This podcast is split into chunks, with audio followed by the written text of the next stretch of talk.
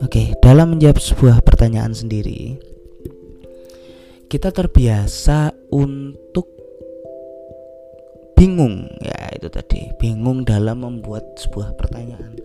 Bagaimana sih caranya membuat sebuah pertanyaan? Saya yakin teman-teman di sini pernah ikut SNMPTN atau tes-tes sejenisnya dan sebagainya dan sebagainya. Teman-teman di sini pasti pernah berhadapan atau misalnya menemukan sebuah keadaan di mana teman-teman harus menjawab sebuah soal yang bernama silogisme. Silogisme itu adalah logika A, B, C, lalu muncullah ABC. Untuk lebih singkat seperti ini. Semisal taruhlah, taruhlah salah satu. Eh kita menggunakan sebuah konsep ya. Kita langsung praktek dalam bagaimana membuat konsep dalam sebuah penelitian ilmiah. Jadi misalnya kita membuat konsep dari salah satu konsep konsep agenda setting. Nah, teori agenda setting itu adalah agenda publik mempengaruhi eh agenda media dipengaruhi oleh agenda publik. Asumsinya seperti ini. Agenda jadi gini. Mahasiswa atau publik mercubuana membaca media KR KR memba uh, eh, KR membaca media oh, gini gini gini contohnya agar lebih singkat. Publik mercubuana membaca media KR sedangkan KR adalah sebuah media. KR mempengaruhi publik sehingga kesimpulannya agenda KR mempengaruhi agenda publik mercubuana. Silogisme toh. Contohnya kayak semua yang hidup pasti akan mati. Saya hidup. Kesimpulannya saya akan mati. Kan seperti itu. Itu asumsi-asumsi paling sederhana. Jadi teori itu bisa dibangun dengan membuat hipotesa itu bisa dibangun dengan cara-cara seperti itu itu yang untuk penelitian kuantitatif. Apakah penelitian kualitatif tidak perlu menggunakan cara-cara seperti itu? Boleh. Cara-cara seperti itu boleh digunakan.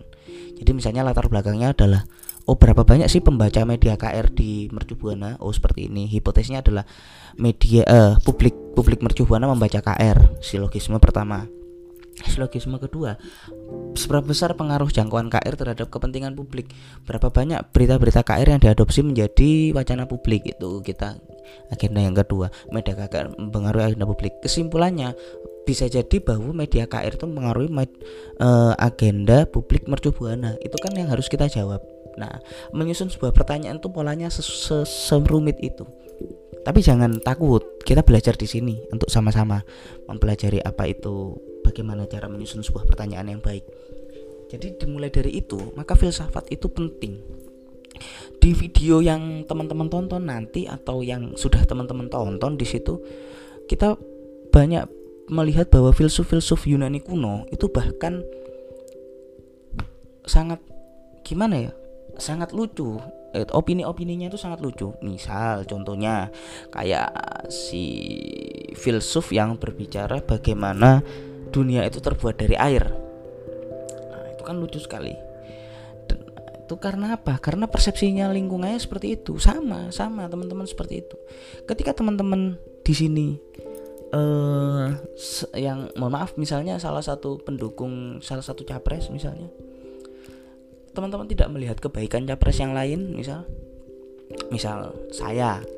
Saya pendukung Pak Jokowi gitu secara luar biasa saya total-total mendukung Pak Jokowi dan segala macam yang ada di Pak Jokowi itu bagi saya baik itu menurut saya namun uh, ketika saya berdiskusi lebih dekat dengan Pak Prabowo, oh ternyata tidak ada perbedaan antara keduanya. Sebenarnya mereka berdua sama-sama bertujuan untuk membangun negara. Nah, itu adalah dua konsep yang sebenarnya harus kita satukan. Tapi kalau orang-orang pemikiran klasik, ya wes ketika saya hanya kenal Jokowi, bagi saya Jokowi lah yang terbaik. Itu yang berbahaya. Salah satunya seperti itu. Jadi di sini saya dan teman-teman akan banyak berdiskusi di situ selama satu semester ke depan.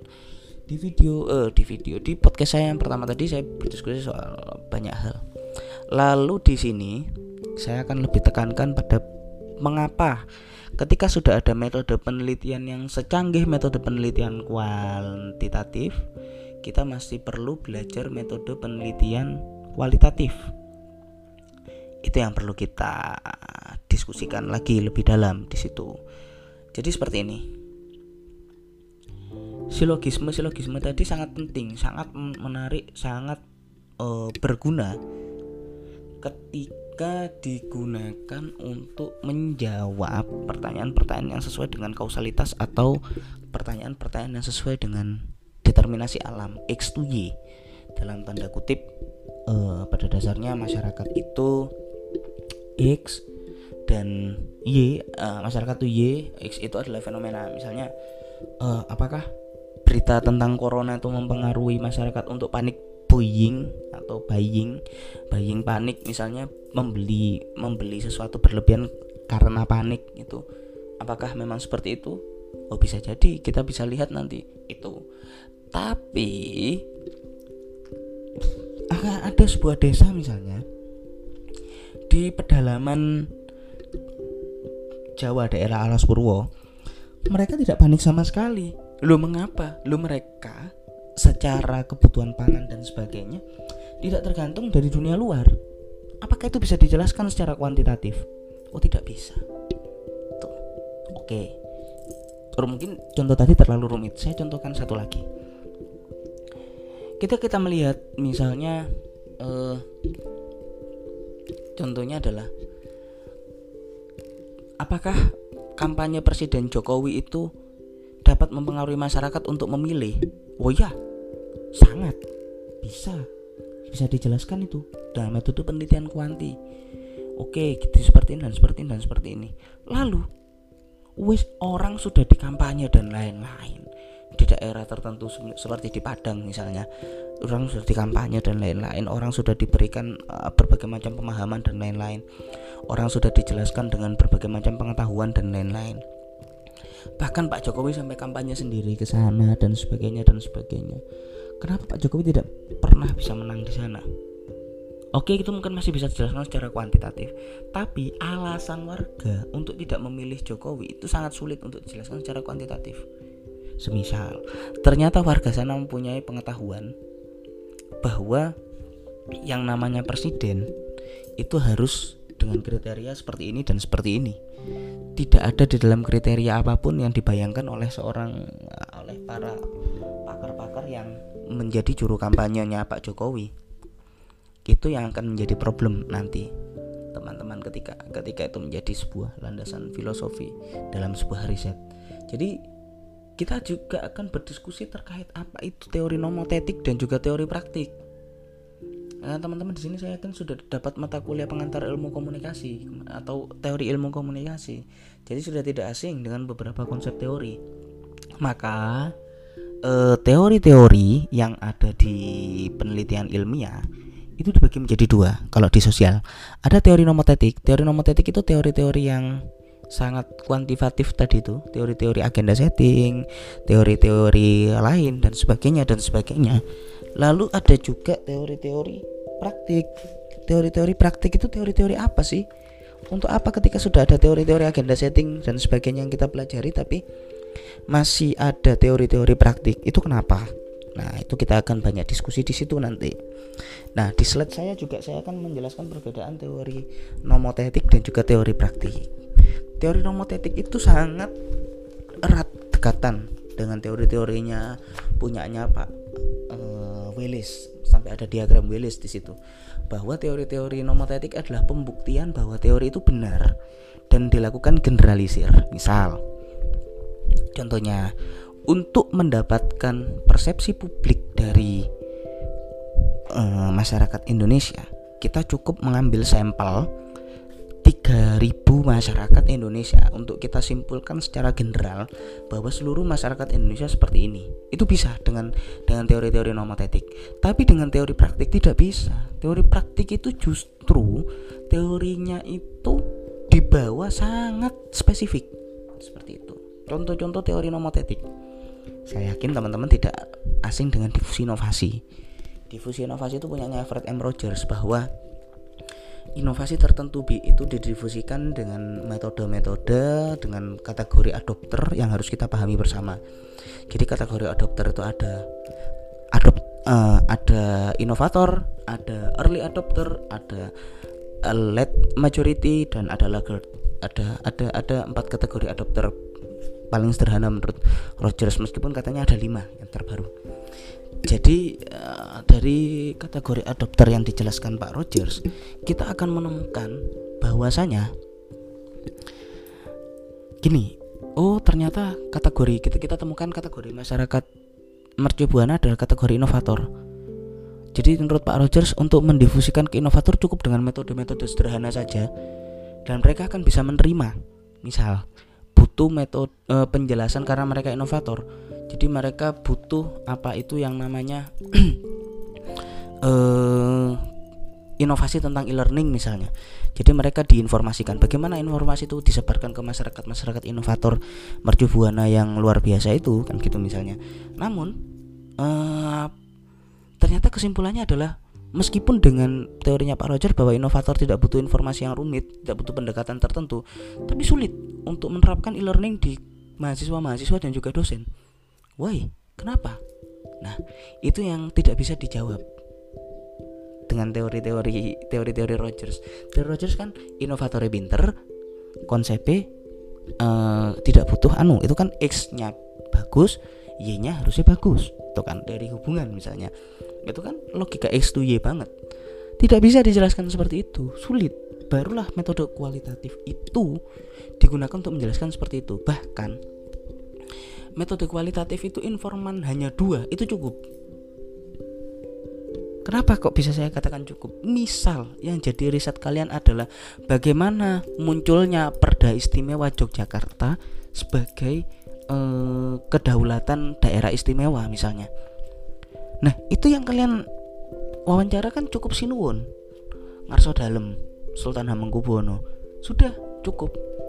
Cukup cukup kalian wawancara kalau bisa tembus ke sana kan kalian bisa dapat semua informasi kalau beliau sampai terbuka namun untuk bisa sampai membuat Sultan Hamengkubuwono terbuka itu kan metodenya rumit sekali tidak ada maksudnya pendekatan biasa saja tidak cukup untuk menjelaskan hal semacam itu. Nah di situlah kita kembali lagi bahwa apa sebenarnya perbedaan kualitatif dan kuantitatif kita akan berdiskusi lebih lanjut. Dan pengantar-pengantar ini hanya sebagai wacana kalian untuk belajar ke depan. Saya pakai bukunya Pak Newman tentang metodologi riset dan bukunya Pak Sugiono. Silahkan itu bisa dipakai dengan beberapa jurnal dan modul yang sudah saya pakai. Slide PPT dan sebagainya ke depan saya berharap teman-teman di sini mempunyai riset yang baik. Karena seperti yang saya harapkan setiap mahasiswa ilmu komunikasi di mana pun adalah adik-adik dan anak-anak saya. Sehingga kita sebagai orang yang mendalami disiplin ilmu yang sama saya berharap bisa saling berkolaborasi bukan tidak mungkin suatu saat nanti saya akan belajar kepada adik-adik. Misalnya adik-adik menemukan karena bacaannya sangat luar biasa teman-teman di sini menemukan wah saya menemukan sebuah metode penelitian kualitatif yang sebenarnya bisa untuk menjawab kelemahan penelitian kuantitatif tapi tidak menghilangkan ruh kualitatifnya. Wah itu metode yang saya belum temukan misalnya. Wah, kita bisa berdiskusi di sana dan mungkin kita bisa melakukan penelitian bersama untuk kemajuan ilmu komunikasi lebih dalam dan juga untuk kemajuan bangsa dan negara secara umum. Uh, mungkin itu yang bisa saya sampaikan di pengantar ini. Dua podcast ini sekitar kalau di total sekitar 25 menit.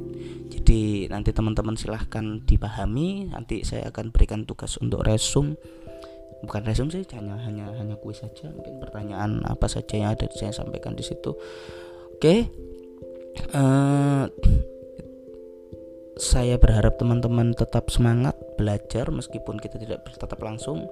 Saya sangat berharap untuk bisa bertemu langsung teman-teman, kita bisa berdiskusi dengan santai, kita bisa ngobrol ngalor ngidul, bahkan kita bisa ngopi kalau misalnya teman-teman yang suka ngopi karena saya seorang kopi holik. Nah, jadi bisa kita diskusi sambil santai-santai. Atau misalnya kita bisa bertatap muka dan untuk menjalin silaturahmi lebih dalam seperti itu misalnya. Kita bisa melakukan apa yang bisa kita kerjakan bersama.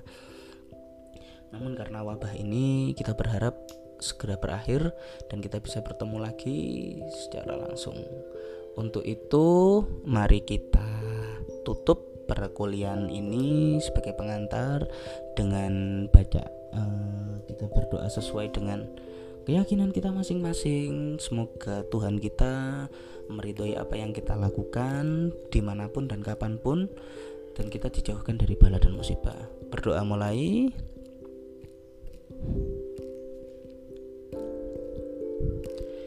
Berdoa selesai. Akhir kata, uh, billahi taufiq wal hidayah. Assalamualaikum warahmatullahi wabarakatuh. Salam Om Swastiastu, Namo Buddhaya, salam kebajikan, sehat selalu dan jaga kebersihan dan kesehatan kita. Selamat pagi.